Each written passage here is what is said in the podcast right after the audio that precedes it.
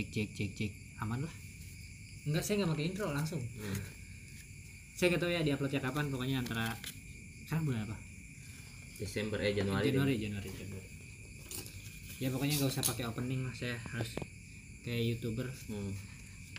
Ini YouTube bukan sih? bukan dong. Oh, saya cuman audio aja. Nggak kelihatan mukanya berarti. nggak nggak kelihatan. Tapi nanti saya taruh gambarnya di ini. Oh, di- gitu. ya. Sekarang jadi kita rekamannya di ini ya tagnya di rumah studio sih tepatnya studio studionya. Studio studioan. studio studioan jadi kalau ada suara-suara jangkrik suara-suara orang jalan karena emang seperti itu Karena studionya studio in the forest. di forest emang sengaja biar ini ha- apa hawa-hawanya Mm-mm. lagi nongkrong kan. Lagi ngetren bang. Soalnya sekarang tuh lagi ngetren ngobrol apa ngobrol nongkrong direkam gitu. Iya ya. lagi lagi lagi banyak lagi banyak kayak gitu ya mau langsung dikenalin apa? Enggak kan nggak kelihatan. Nggak kelihatan ya gimana namanya? ya sekarang gue lagi sama Farid RF Ing Tato. Manggilnya apa nih Farid? Mamang aja ya saya biasanya Mamang sih. Iya sih. Ya udah bebas lah. Mamang aja ya Mamang. Takutnya kalau manggil nama ntar cukup maling kundang yang jadi batu jangan saya lah. Sekarang lagi di studionya RF Ing Tato. Eh, nggak tahu pokoknya di uploadnya tanggal berapa yang jelas. Ini bulan Januari 2021 awal tahun Eh, saya suka banyak gitu tuh Ah, Hmm. ah. yang ini nggak bakal saya- jadi saya tuh bikin podcast nggak ini bang jarang diedit jarang diedit Oh iya nggak diedit. Oh, iya. Enggak, enggak. Emang sengaja udah digelontorin gitu aja. Saya malas ngeditnya. Kita ngobrol soal ini deh. Kan kebetulan lagi di RS Ing Tato jadi udah tahu dong pasti tentang apa. Tentang Tentang apa? bercocok tanam dan palawija. Enggak dong. Tentang tato. Oke. Kemarin seperti ini ya Bang ya. Maksudnya sempat ngobrol sama podcast sebelah di channelnya. Saya juga kadang kalau misalkan ngomong yang ngobrol gitu di podcast kadang suka nyebutin teman-teman yang lagi bikin konten juga gitu. Oh, iya. Ya yang saya bilang tadi gitu. Di saat popularitas nggak ada di saya ya manfaatin teman-teman yang kiranya demandnya banyak gitu. Biar Iya, ke- iya, biar iya, keangkut iya, iya. gitu. Biar namanya ngikut. Biar tak gendong. biar tak gendong. Kemarin sempat bikin konten juga di apa OTS ya, obrolan tanpa solusi itu punyanya Bapak siapa? Dawer. Dawer dan Najis. Ajis. Sekarang lagi di studio ditemenin sama Cacu juga. Cacu Iya. yang baru pulang dari Jogja dan kelas Ira. Kurang tamasya. Pulang tamasya loh orang-orang bertahan hidup loh Cacu. Mm-mm. Dia tamasya loh. Tamasya. sebenarnya lebih ke kerja sih Lagi kerja. Jogja kerja. Ntar kita ngobrol cuy, tenang. boleh boleh Suasana Jogja tuh harus diceritain. boleh kalau ini nah kalau ngomongin tato ya maksudnya memang kan emang tato artis lah bisa dibilang bukan bisa dibilang emang udah tato artis kalau awal mula nato memang kapan sih? Awal mula di industri atau Enggak. cuma nyo- nyoba-nyoba? nyoba nyoba di tato lah di tato lah Pertama banget nyoba sih dulu banget masih di skena pangkorengan lah zaman itu kan. Tepatnya 2000-an sih 2006 2007-an 2006 2007 Hmm. Jadi kan di skena pang tuh Hmm. emang ada budaya saling nato-natoin. Ya mesinnya juga kayak mesin rakitan. Nah, Mesin- itu pertama kali. Mesin rakitan, mes- mesinnya tuh bikinan, handmade gitu. oh Yang frame-nya dari sikat gigi, dari sendok ditekuk-tekuk, terus pakai dinamo. anjing serem juga ya Parah. Iya, pertama kali ngegambar di media kulit itu pas era itu. itu maksudnya mamang mamang digambar gitu digambar pas tahun-tahun 2000-an awal Oh enggak, justru gua pertama kali gua nyobain natoin orang Oh, kan. Iya, di, di, di tahun segituan. kalau pertama kali ditato? Pertama kali ditato juga kayaknya di tahun segituan deh. tahun segitu Heeh. di udah di studio tuh apa di Hmm, tongkrongan di studio. Waktu itu ceritanya kan kejebak sih. Waduh. Yang bawa gua tatoan tuh teteh gua sebenarnya. Wah. Teteh gua kan tatoan duluan dia. Nah, Dia kuliah di Uhamka Blok M. hmm. Nah waktu itu gue lagi diajaknya ke dia dia kan kos kosan gitu ya diajaknya main ke kosan dia sambil jalan-jalan lah ya lihat blok M pas gitu kebetulan ada temen nongkrongnya dia tato artis lah di daerah blok M Ah. situ mungkin bahasa kita BM kali ya. BM pengen nato Wah. nelpon lah nelpon lah teteh gua tapi tete gue lagi nggak pengen ditato gua lah akhirnya nah di situ gue pertama kali tatoan dijebak bangke emang berarti latar belakang pengen ditato awalnya mah bukan emang udah suka apa emang suka dari dulu udah suka Hmm. lu tahu acara ekstravaganza nggak sih dulu di Trans TV ya Hmm. Tora Sudiro tuh udah tatoan waktu itu laki banget sih itu 2004 2000 ya tahun segituan lah Iya. ekstravaganza baru keluar tuh tato Rasudiro keren banget bertato dari situ gue suka banget ngeliat orang-orang tatoan awal awal mula maksudnya awal mula jadi emang awalnya suka pengen Mhm. ditato kalau misalkan tato pertama berarti ada di mana di punggung. Di punggung. Ya itu yang dari blok M made in blok M. Made in. di oh berarti udah beres sekolah belum? Soalnya kan mamang sama saya waktu itu. Itu baru naik SMA anjir. Serius. Anjing banget. udah ditato di punggung kayak Iya. dalam lagi. Tapi maksudnya kalau saya kan nggak nggak ditato ya belum belum Mhm. pernah ngerasain tato juga. Mhm. kalau awal mula maksudnya ngerasain ini kalau kalau mamang kan kalau yang lain mungkin udah udah ditato udah beberapa kali kan Mhm. nah pas ngerasain pertama kali bener-bener pertama tato Hmm. itu apa tuh rasanya gimana awalnya sih awalnya gue nggak tahu ditato tuh sesakit itu nggak pernah kepikir sih rasanya tuh bakalan kayak gitu tapi Hmm. pada akhirnya kuat sih sakit kaget banget sumpah malah baru selesai tuh kayak demam-demam di nafas di hidung tuh panas. Gitu. karena masuk angin gitu iya kayak orang masuk angin. Kaget lah kaget namanya pertama kali. Hmm. oh gini ditato. Oh gini jarum kalau nempel ke kulit berkali-kali. Gitu. Itu prosesnya tato pertama berapa lama? Nggak lama sih. Paling satu jaman lah. Nggak terlalu besar kok medium size nya paling 15 sentian. Itu zaman sekolah. Berarti nggak ketahuannya berapa lama oh lama panjang panjang cerita. Nggak ketawa mulai ketahuan sama nyokap itu ceritanya dia masuk kamar lagi Ah. nggak bajuan tidur tengkurap. Ini apaan nih? Hilang besok juga. Kan. oke percaya dia. Eh, keesokan harinya Hah? dengan kasus yang sama dia masuk ke kamar mau nyapuin kamar tuh biasanya. Gua nggak bajuan lagi. Loh kok belum hilang kontraknya diperpanjang gitu kontraknya. Iya. Tapi akhirnya maksudnya respon orang tua maksudnya awal kaget gitu langsung ya gimana ya marah. Marah.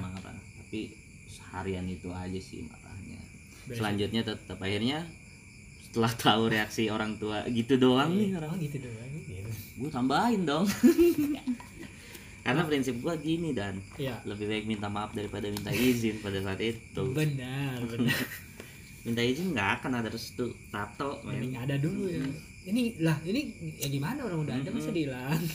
Ditambah bokap gue pas sekolah. Ya kayak gitulah Ah. orang pendidikan gitu ya. Nggak mungkin ada lampu hijau kayaknya Oh. kalau minta izin. Kalau minta izin sih kayak berat sih ya. Iya ya udahlah gue putusin punya aja dulu. Mulai aja dulu kayak Tokopedia kan. Mulai dulu. Bisnisnya berjalan.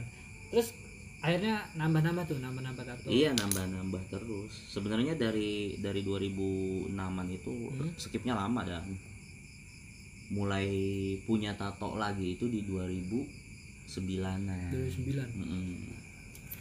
oh berarti awal tato ya di 2000-an awal seki, eh, ber- berhenti dulu Mm-mm. jeda dulu baru nambah tato lagi 2009 iya. Terus itu pas nambah tato gitu gimana? Pas nambah tato kebetulan kan udah mandiri. Oh iya iya. Sudah bisa bertanggung jawab. Betul. Berarti kalau dihitung-hitung jumlah tato sekarang berapa? Nggak tahu.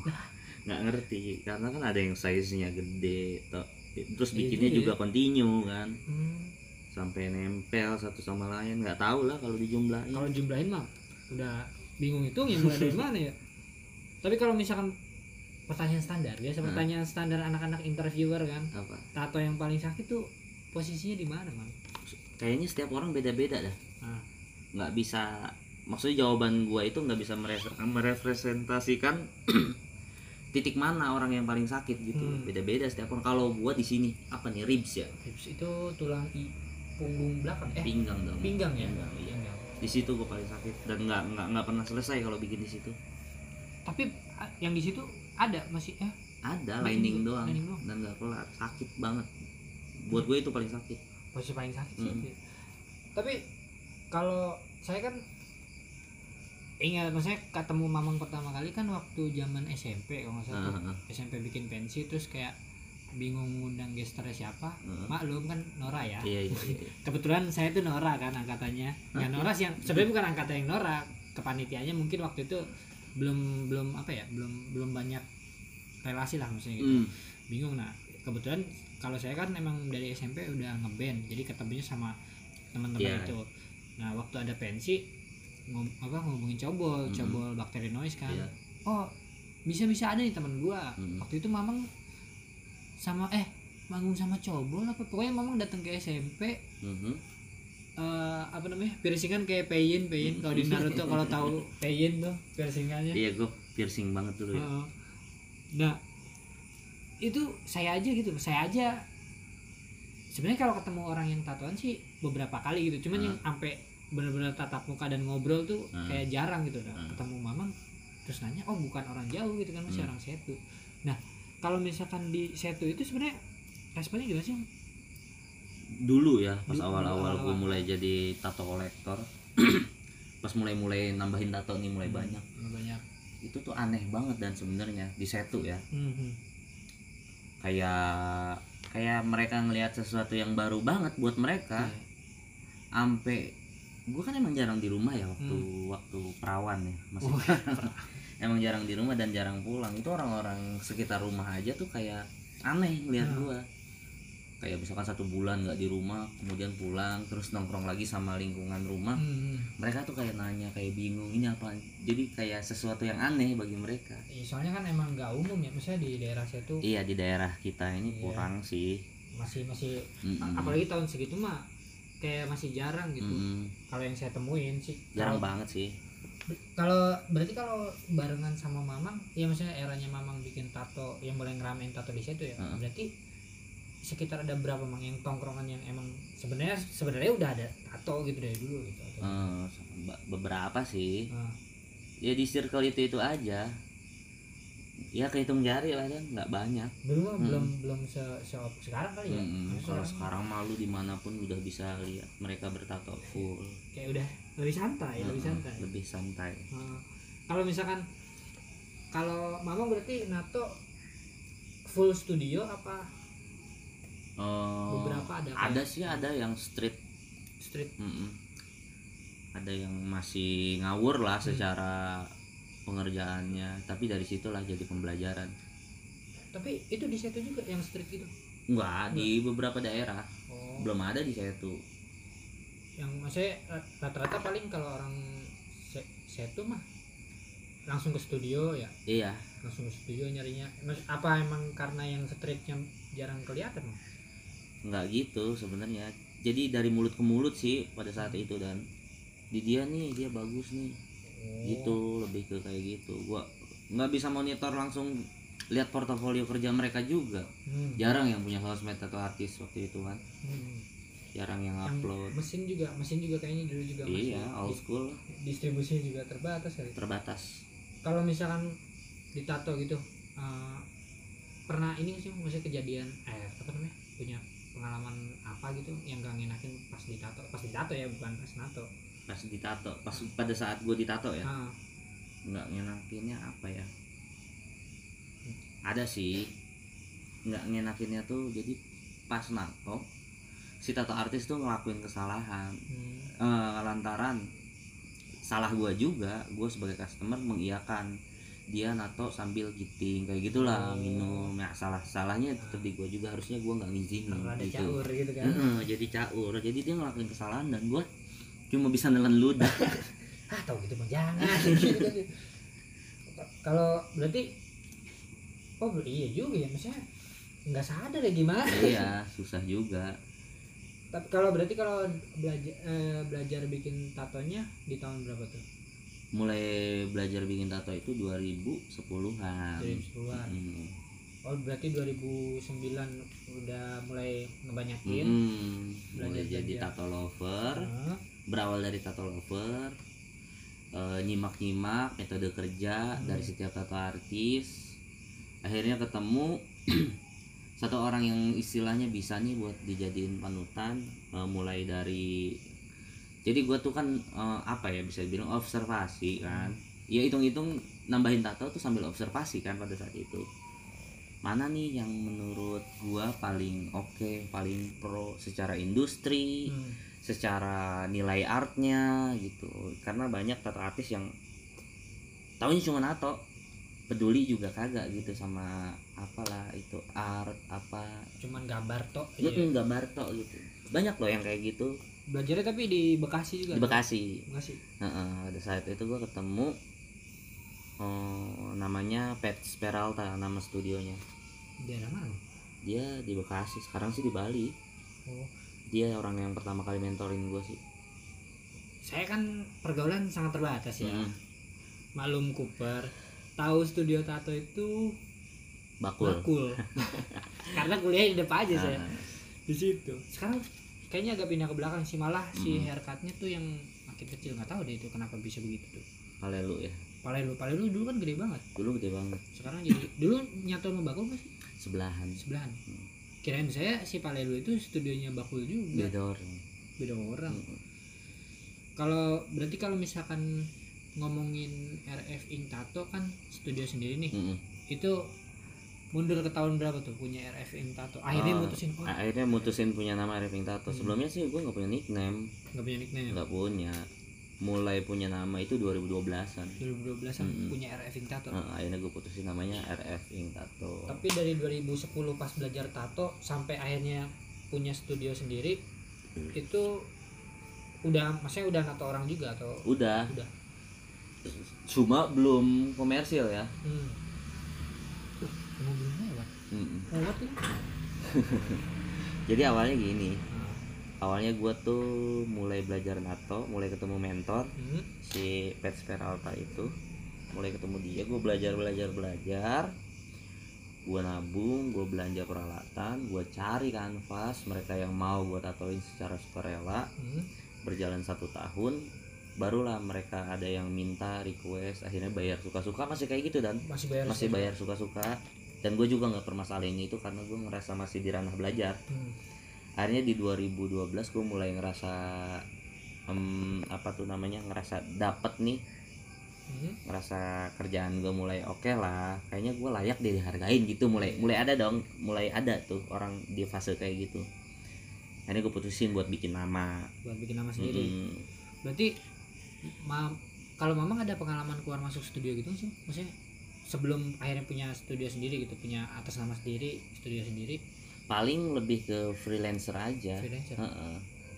Oh. Eh, misalkan temen dia punya studio sendiri tiba-tiba ada customer yang dia nggak bisa cover tapi Hmm. orangnya mau saat itu juga gue ditelepon lah dan datang ke dia. Gitulah. Pemain cepolan berarti ya? Cepolan.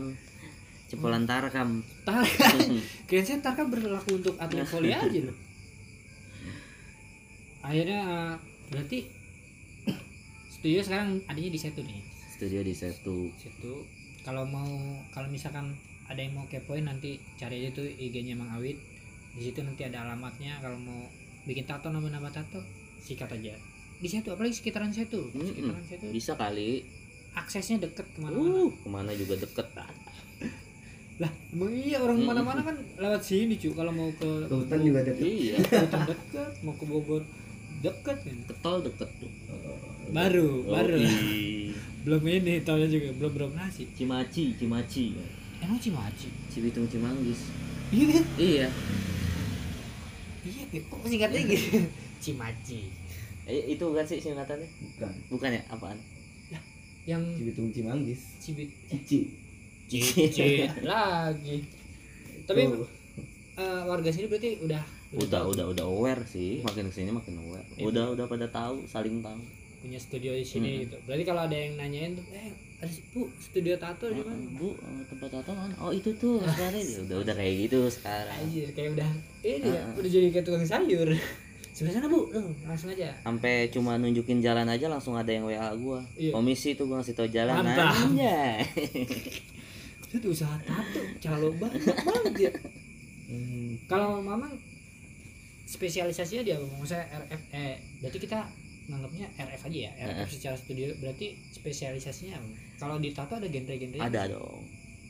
Genre tato tuh yang familiar aja ya yang Hmm. famous. Ada di American tradisional atau old school. Hmm. ada juga new school ada neo tradisional itu basically tato lah ya.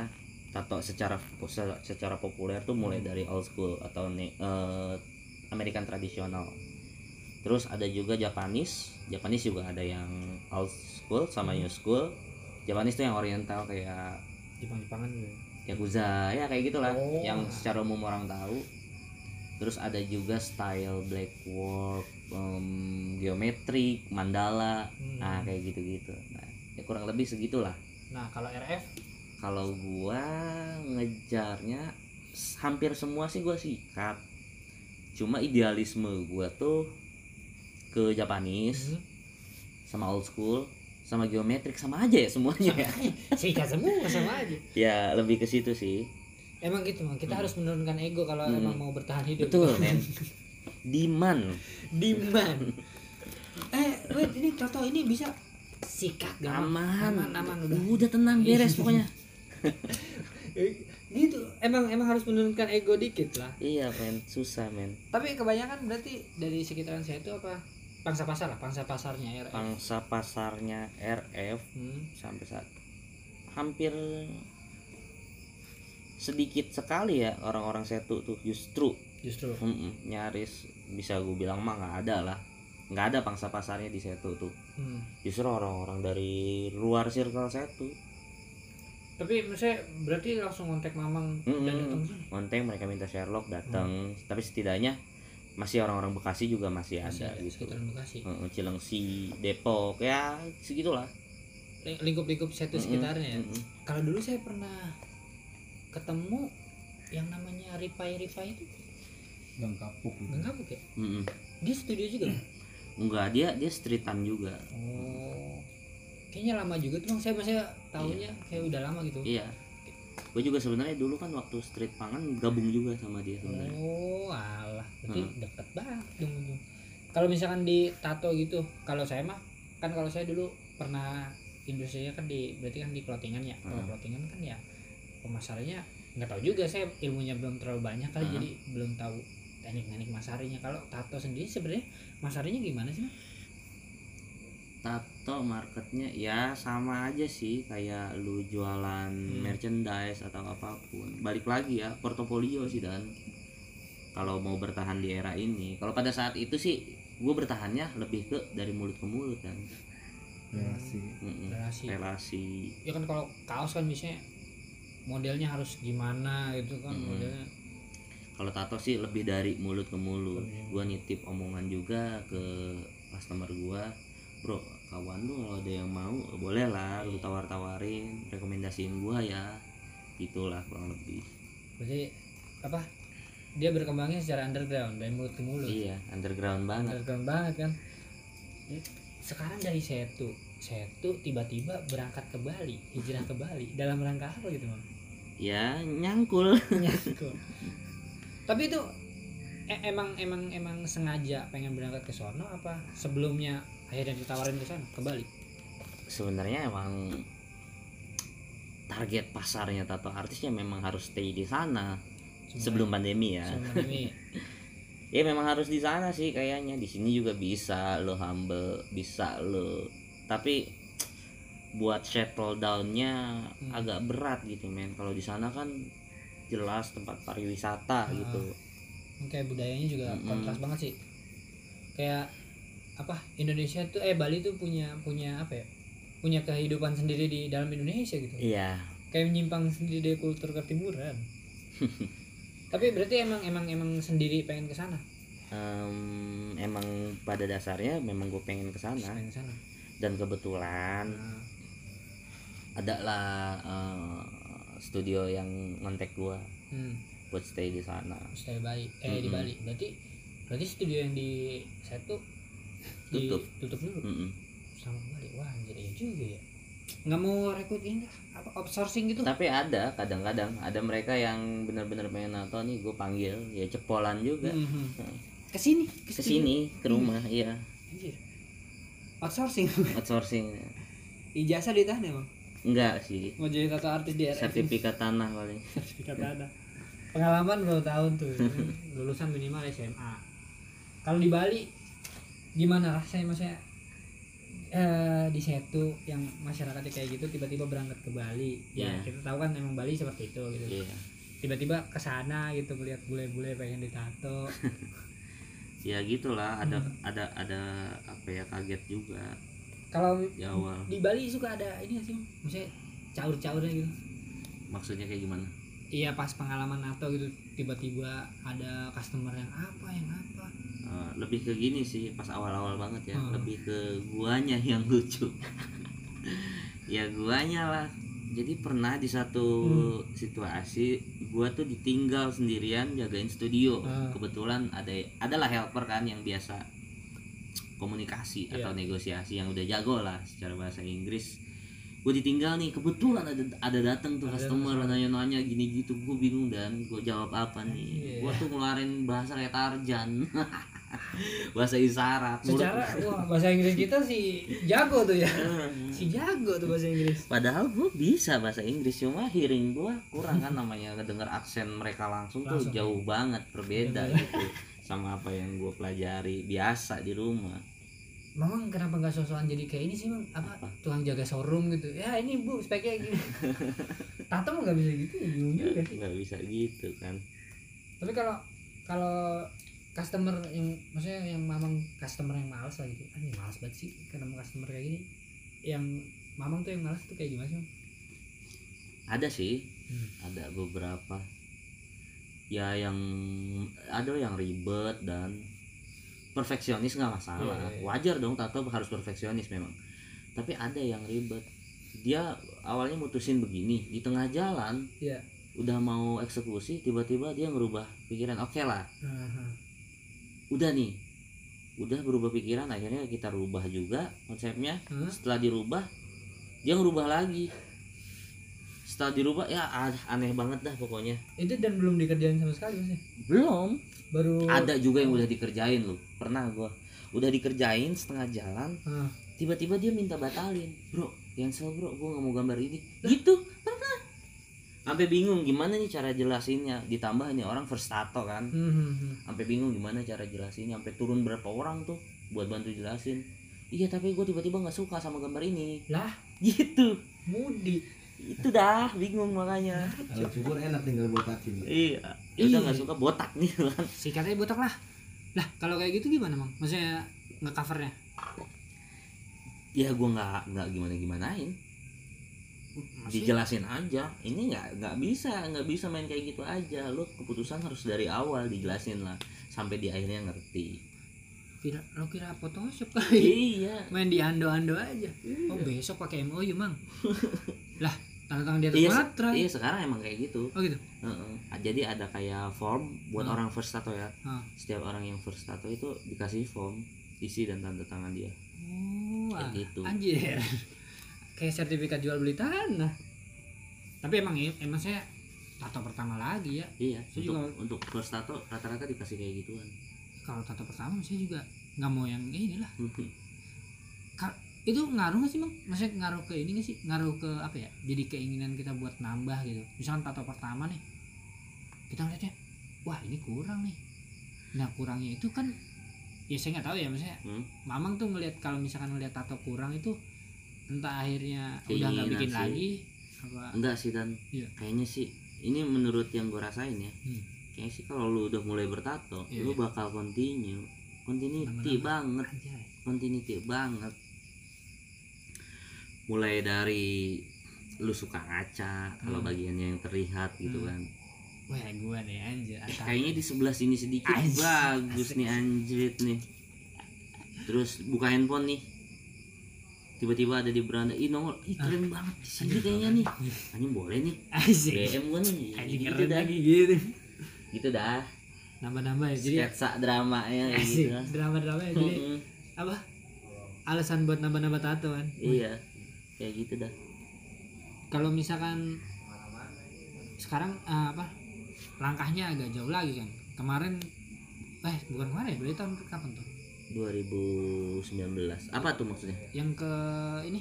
Yang ke Aussie? 2019 ya. Aussie apa? Australia sama Aussie sama? Kan? Aussie Australia sama. Ah, iya.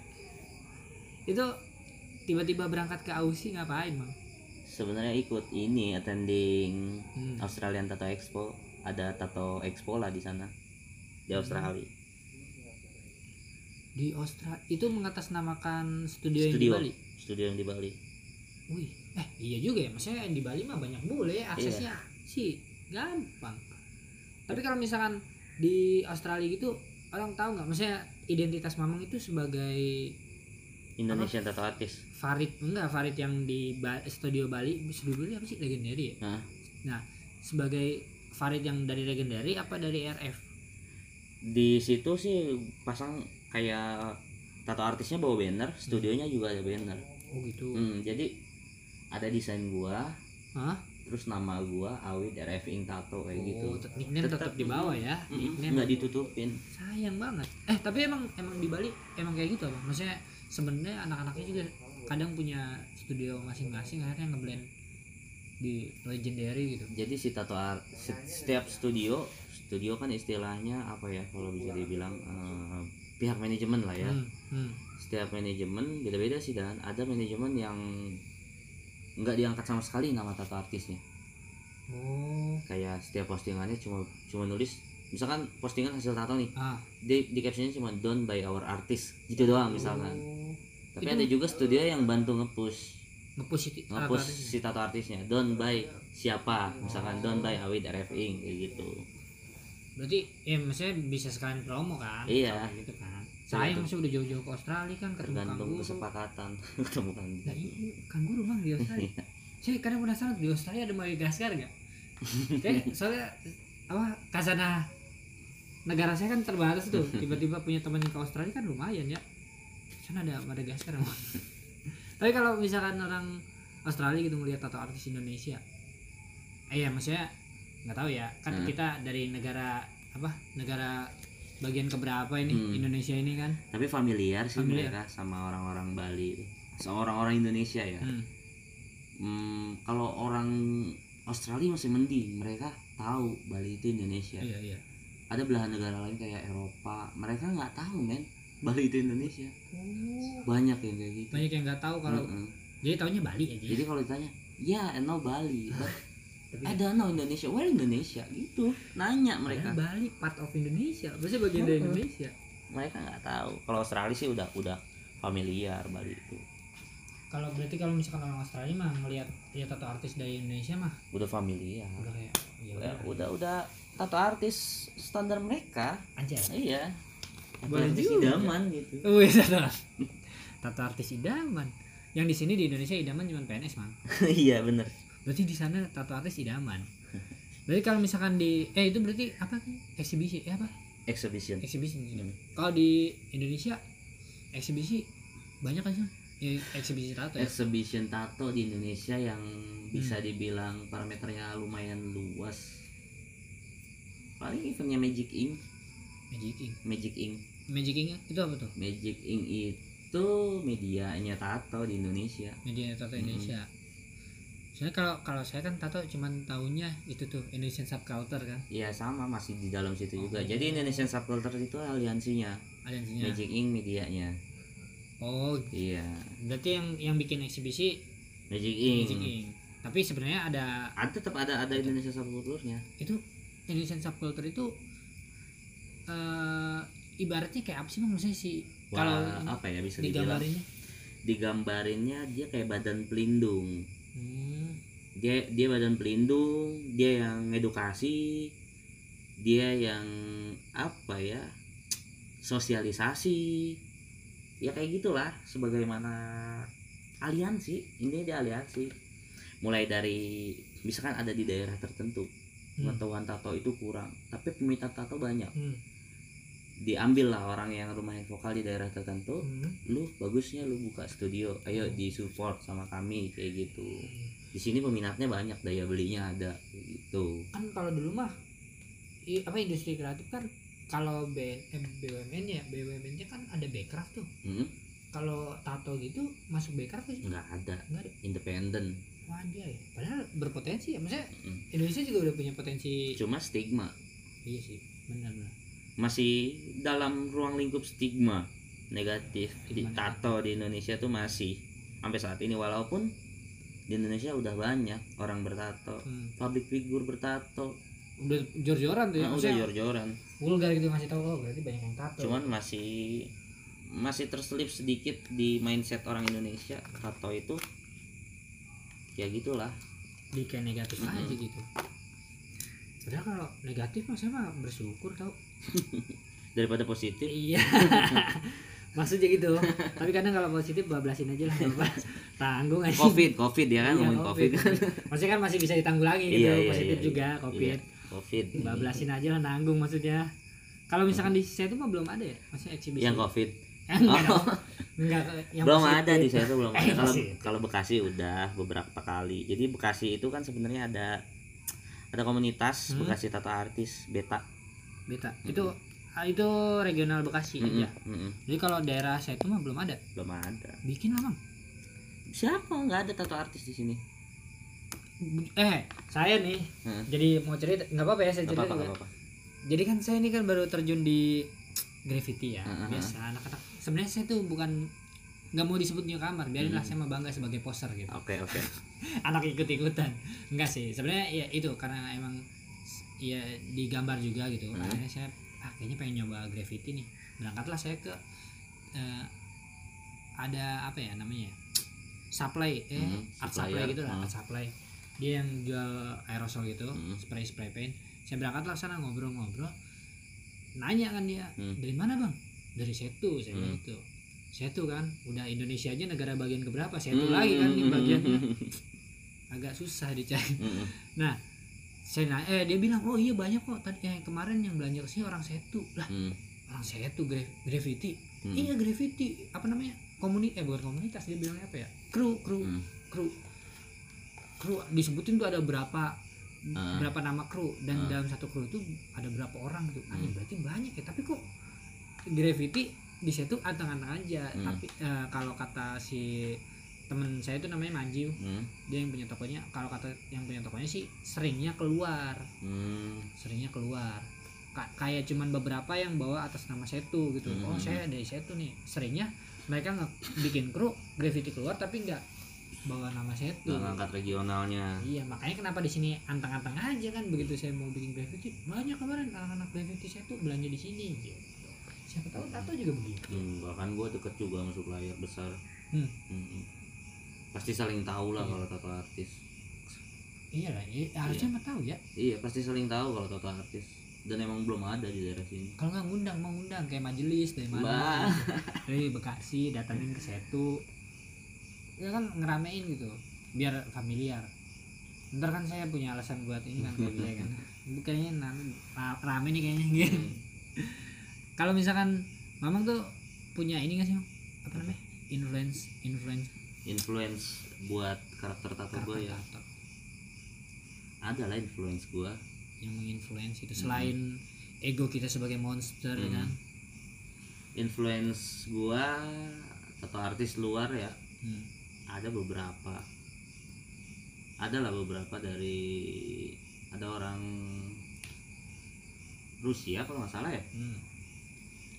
namanya lupa lagi gua kalau ka- kalau saya nih saya mah eh, bukan influence ya jadi Hmm. dulu saya kayak ya sebagaimana apa namanya anak muda sotoy kan Hmm. sering searching searching tiba-tiba nemuin entah buku kayaknya buku sih saya kayaknya Hmm. buku sih ingetnya jadi ada orang luar yang nyari ya informasi tentang budaya tato gitu Hmm. di, di di kawasan Asia Tenggara tiba-tiba mampir ke Mentawai apa ya Hmm. ke daerah Kalimantan gitu setelah diteliti ternyata saya lupa judulnya apa judul bukunya nanti saya Hmm. coba cari deh apa namanya dia bilang ternyata tato budaya tato di Indonesia itu entah lebih tua daripada Mesir atau iya iya ada juga almarhum Adi Rosa Hah? dia itu pengamat ya Ah. bisa dibilang dia pengamat tato nah, nah yang disebut bapak tato Indonesia siapa Adi Rosa ada saya almarhum oh kayaknya itu deh saya kayaknya itu deh Iya, ya? jadi dia itu ngeriset sama pengamat tato dunia yang Hmm. lainnya juga Hmm. diajaklah ke jadi sebenarnya yang punya kultur tato di Indonesia itu kan ada beberapa ya Hmm.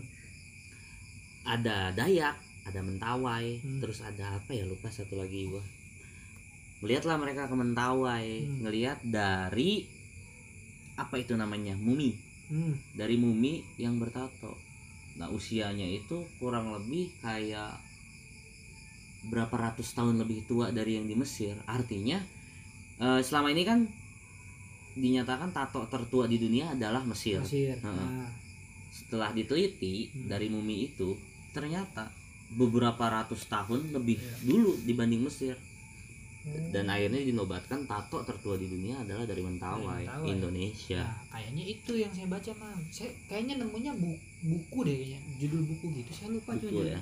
Nanti kita carilah, kita riset. Soalnya saya kalau budaya tertua tuh taunya prostitusi aja sih. oh iya iya, iya. Prostitusi kan budaya tertua di dunia di ya. dunia itu bisnis tertua di dunia Bisnis tertua di dunia, prostitusi. ya. Kenapa yang saya ingat itu? enak sih Kalau kalau misalkan apa namanya? Eh, buku, buku eh buku ya buku Hmm. buku film gitu yang menurut mamang oke gitu kalau buat yang emang untuk peng- pengetahuan tato ya pengetahuan untuk knowledge gue sih Knowledge. nggak terlalu baca sih bukunya karena banyak versi juga nggak ada pakem juga sih yang dibukukan gitu ya bahkan eh, tato artis saja bisa ngeluarin buku sendiri. buku demi buku Hmm. gitu jadi cuma ada pembaruan pembaruan pembaruan yang gua tahu itu yang pernah gua simak itu si Sailor Jerry. Sailor Jerry. Sailor Jerry. Itu buku. Dia lebih ke clipping clipping Clipping. kayaknya ya. Paper paper ya kayak gitulah. Jadi eh, hasil riset dia Iya. mul- mulai dari desain tato pada saat itu. Hmm. yang gue bilang tadi tato tato itu basicnya dari maksudnya tato modern ya Hmm. tato dengan mesin nih. Basicnya dari American traditional tato tahu kan tato tato old school yang stiker stiker kayak tatonya siapa ya? Kayak Adam Levine Hmm. Maroon 5 nah Maroon itu 5, tuh ah. stylenya kayak gitu. Tato-tato American tradisional atau old school. Ya paling kiblatnya dari si Sailor Jerry's. Hmm. kalau yang kayak muerte muerte gitu? Kan Muerte itu lebih ke Eropaan sih sebenarnya stylenya. Meksiko Meksiko gitu ya? Mexican Mexican. gangster gangster kayak gitu. Kalau misalkan film ada nggak sih mas? Maksudnya film dokumenter tentang tato. Ada sih di YouTube masih ada enggak ya? Kayaknya masih ada deh dokumenter tentang tato. Hmm. stigma tato Indonesia. Itu itu lumayan sih ceritanya mewakili banget. Gitu ya. Hmm. Ber- apa tukang tato merasa terwakili ya? Nah, eh, kalau misalkan itu berarti film apa dokumenter YouTube dokumenter. Ya? Heeh, ada di YouTube. Kalau buat nyimak-nyimak lumayan ya buat seni-seni tato. Mm-mm. itu yang di YouTube itu lokal atau luar lokal. Lokal. Itu lokal kalau dokumenter luar mah banyak kali ya. Banyak. Nggak kehitung. Judulnya juga. Mm-mm, karena di luar mah udah B aja. Toh ada ada apa namanya acara televisi kok di Hmm. luar negeri itu. Namanya oh Ink Master. iya Ink Master. Ini saya nontonin di YouTube tuh. Mm-mm. ada kok di saluran televisi. Kalau di Indonesia tuh mirip-mirip apa ya? Master Chef kali ya sama yang di Trans 7 bang yang cukur-cukur yang barber-barber. Emang ada ya? Ada. Emang ada ya. Orang Indo- eh, itu juga saya kok ada ya? Masih acara TV di Trans 7 kalau nggak salah. Cukur-cukur gitu barber exhibition. Enggak Hmm. exhibition dilombain. Mhm. cukur-cukuran gitu. Ajik tato juga di- nah dari situ biasanya kan ada kalau YouTube ada rekomendasi gitu kan. Nah Hmm, ada apa tadi judulnya? Saya lupa. Ink Master Ink Master ya? Ink Master wah ini. Ternyata ada juga. Itu galak-galak lagi ini saya ngeliat talentnya. Iya. jadi ada talent ya dari penonton apa dipilih gitu pokoknya iya. dia jadi talent di tato tiba-tiba ngamuk bang di tengah. Saya nggak Iya. mau gini-gini. Gimana cara penanganannya? Saya serem banget ya. Itu semuanya. Iya. jadi emang tato artis itu eh ya sama kayak pelayanan jasa pada umumnya Iya. secara profesional gitu dan kemungkinan terburuknya pun harus bisa lu counter. Oh. Kayak gitu. Anjing tricky juga ya berarti. Mm-mm. Nggak nggak melulu tentang SOP yang benar nggak Hmm. melulu tentang equipment lu yang made in mana nggak melulu tentang equipment yang harganya berapa puluh juta enggak tapi lebih ke attitude kita sebagai tato artis kita kan pelayan jasa sebenarnya Hmm, tato hmm. artis tuh ngobrol service ya. service ya. ya semuanya lah Iya emang kalau misalkan kalau saya mah emang apa ya nongkrongnya kan sekarang-sekarang gitu kadang kayak ada temen yang punya kedai gitu akhirnya kepengaruh sama nongkrong-nongkrong perkopian kan. Heeh. sebenarnya pun saya juga keberatan karena saya akan dianggap anak senja. Padahal saya senja tuh belum pulang mang. Saya pulang tuh sebelum isya. Oh sebelum lah bisa baru pulang. Nggak ketemu senja kan ya? Disebut anak senja kan. Itu dua kali lipat tapi bayaran dan ya? Harusnya sih. Ini kita buka-bukaan aja ya. Eh, jangan jangan Iya. nah kalau misalkan ngomong nih Hmm. apa ya apa sih namanya? Achievement. Achievement. Achievement Ah. yang achievement tuh apa sih? Penghargaan gitu. Iya yang yang udah pernah dicapai apa aja? Ya paling kayak best of biasanya gua ngikutin kan by kategori ya. Hmm. biasanya best kategori ini kayak gitu. Atau dapat juga kayak placement satu dua tiga pernah juga. Podium tuh? Mm-mm. anjir tapi kalau achievement paling oke sih yang pas kemarin ke Australia sih. Oh Nah. banget ya? Ya Pantesan itu gua dapet kayak ini sih good SOP katanya Oh. gua. good SOP Nah, lumayan tuh mang. Kalau di PT mah good SOP tuh. Biasanya dapat ini tuh penghargaannya apa namanya? Gajinya tambah tambahin nah, lagi pula kayak bule-bule itu mereka lebih ngelirik tentang SOP-nya dulu sih. Sebenarnya? Nah, ketimbang lah kok gitu mang? Loh mereka kan sadar kesadaran akan kesehatannya tinggi. Oh Iya. ya udah sampai situ ya. Iya. Maksudnya udah nyadar ya gimana red nggak light district melulu aja begitu? nggak melulu tentang pricesnya nggak melulu tentang hasilnya yang oke. Tapi ngelihat SOP-nya oke kan. Jadi lebih lebih cepat keangkat orang yang SOP-nya kesebar namanya oh tato artis ini atau studio ini SOP-nya oke loh lebih cepet tuh oh SOP dulu. SOP dulu. SOP Iya. first pokoknya. Dia oh, emang maksudnya emang lebih konsennya ke ya namanya Iya, kesehatan juga kesehatan. ya kulit gitu kulit Hmm. kayak ini. Tapi emang kalau misalkan kulit gitu problem yang paling apa sih? Apa ya? Paling overwork doang sih. Overwork tuh kayak ya itu mah paling kesalahan di tato artis. Selebihnya mungkin ada juga cancer. Bagi yang udah punya sebenarnya kalau itu. Cancer maksudnya? Cancer kulit skin cancer Oh. bagi yang udah punya jadi lebih memicu. Kalau ada yang Heeh. apa ada benda asing masuk mungkin iritasi mungkin gitu iya. Gue juga belum seberapa jauh sih riset tentang itunya karena belum pernah juga nemuin kasus itu. Ya, jangan mang. Amit-amit ya? Amit amit bang oh berarti kalau oh, kalau overwork itu kayak gimana? Overwork itu cuman kayak em, kayak perbedaan aja sih. Hmm. yang biasanya kita ketemu kulit asik-asik aja normal-normal aja kemudian dengan preset kerja yang biasa kita pakai hmm? di kulit dia ternyata kurang cocok nih Hmm. Heeh. ada beberapa yang maksain gua harus seperti ini kalau kerja nyatanya di kulit yang karakternya seperti ini nggak nggak nggak nggak nggak support gitu ada yang kulitnya robek Hmm. pecah alhasil healingnya jelek kayak gitu boroknya Oh. tebal kan bikin luka tato tuh Mm-mm. oh gitu iya Eh, maksudnya ya ada pertimbangan juga ya Iya, iya, jangan- iya, jangan iya. main asal nato aja Berarti nato karena alasan bukan karena kebiasaan. betul betul jadi lu fleksibel nggak bisa lu tuh harus dengan satu preset hmm. gitu contoh kita kan nato ya nato tuh di kulit bukan di benda mati Iya, nato iya, tuh iya. di badan manusia nggak bedanya kayak lu nyukur dah Iya, iya.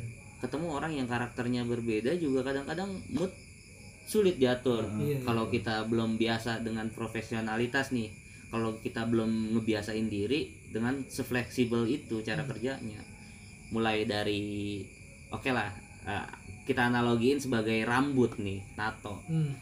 misalkan nyukur dengan mesin ini terus dengan kecepatan mesin segini Hmm. tiba-tiba lu ketemu rambut yang ukurannya lebih besar Hmm. contoh ini contoh ya ini analogi ketemu rambut yang kekerasannya kayak kawat misalkan. Nggak mungkin dong lu pakai mesin cukur yang itu. Iya, iya.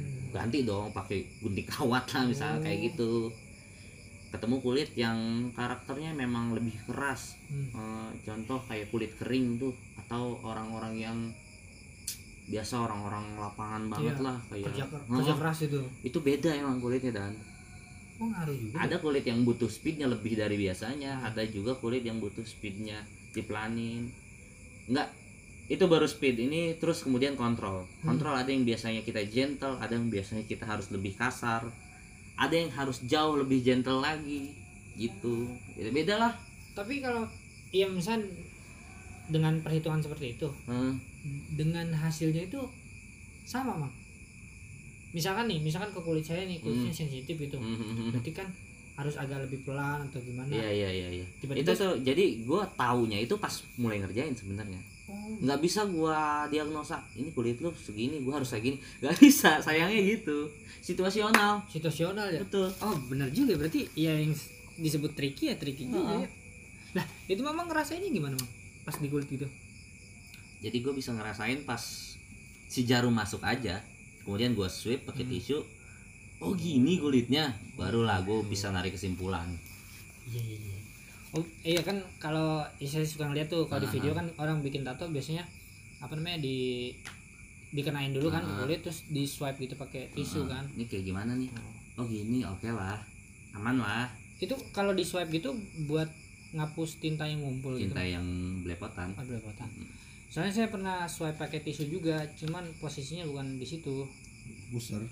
Oh my, oke. Ini maksudnya Hmm, natonya maksudnya dibuser. Natonya tatonya dipusar. ada iya ngeliat video yang tato di Iya, pusar iya, gitu. iya, iya, iya, iya. Di swipe gitu kan. Iya. Di pusar kadang di Capek juga nyelamatin orang-orang.